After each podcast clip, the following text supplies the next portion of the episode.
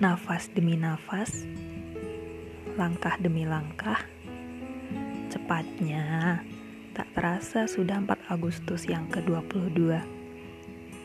Tiada yang berbeda di hari ini. Doa dan harapnya masih saja sama dan mungkin akan selalu sama. Semoga Tuhan, semesta, dan segala yang kerap mendengarnya tidak lekas bosan. Hai perempuan keras kepala, terima kasih telah sudi untuk bertahan di dunia.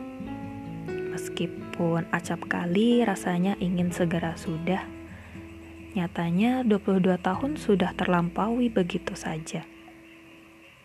Syukur tak terkira kepada Sang Pencipta yang telah hadirkan banyak bentuk cinta untuknya. Teruntuk Bapak, Ibu, Mas, dan adik Terima kasih atas banyak hal yang tiada mampu disebut berurut. Teruntuk siapa saja yang telah dan selalu mencintai pun menyayangi, kepada siapa saja yang sudi membersamai atau sekadar singgah lalu pergi, dan kepada doa-doa yang turut serta menyertai, diucapkannya terima kasih banyak. Semoga selalu bahagia.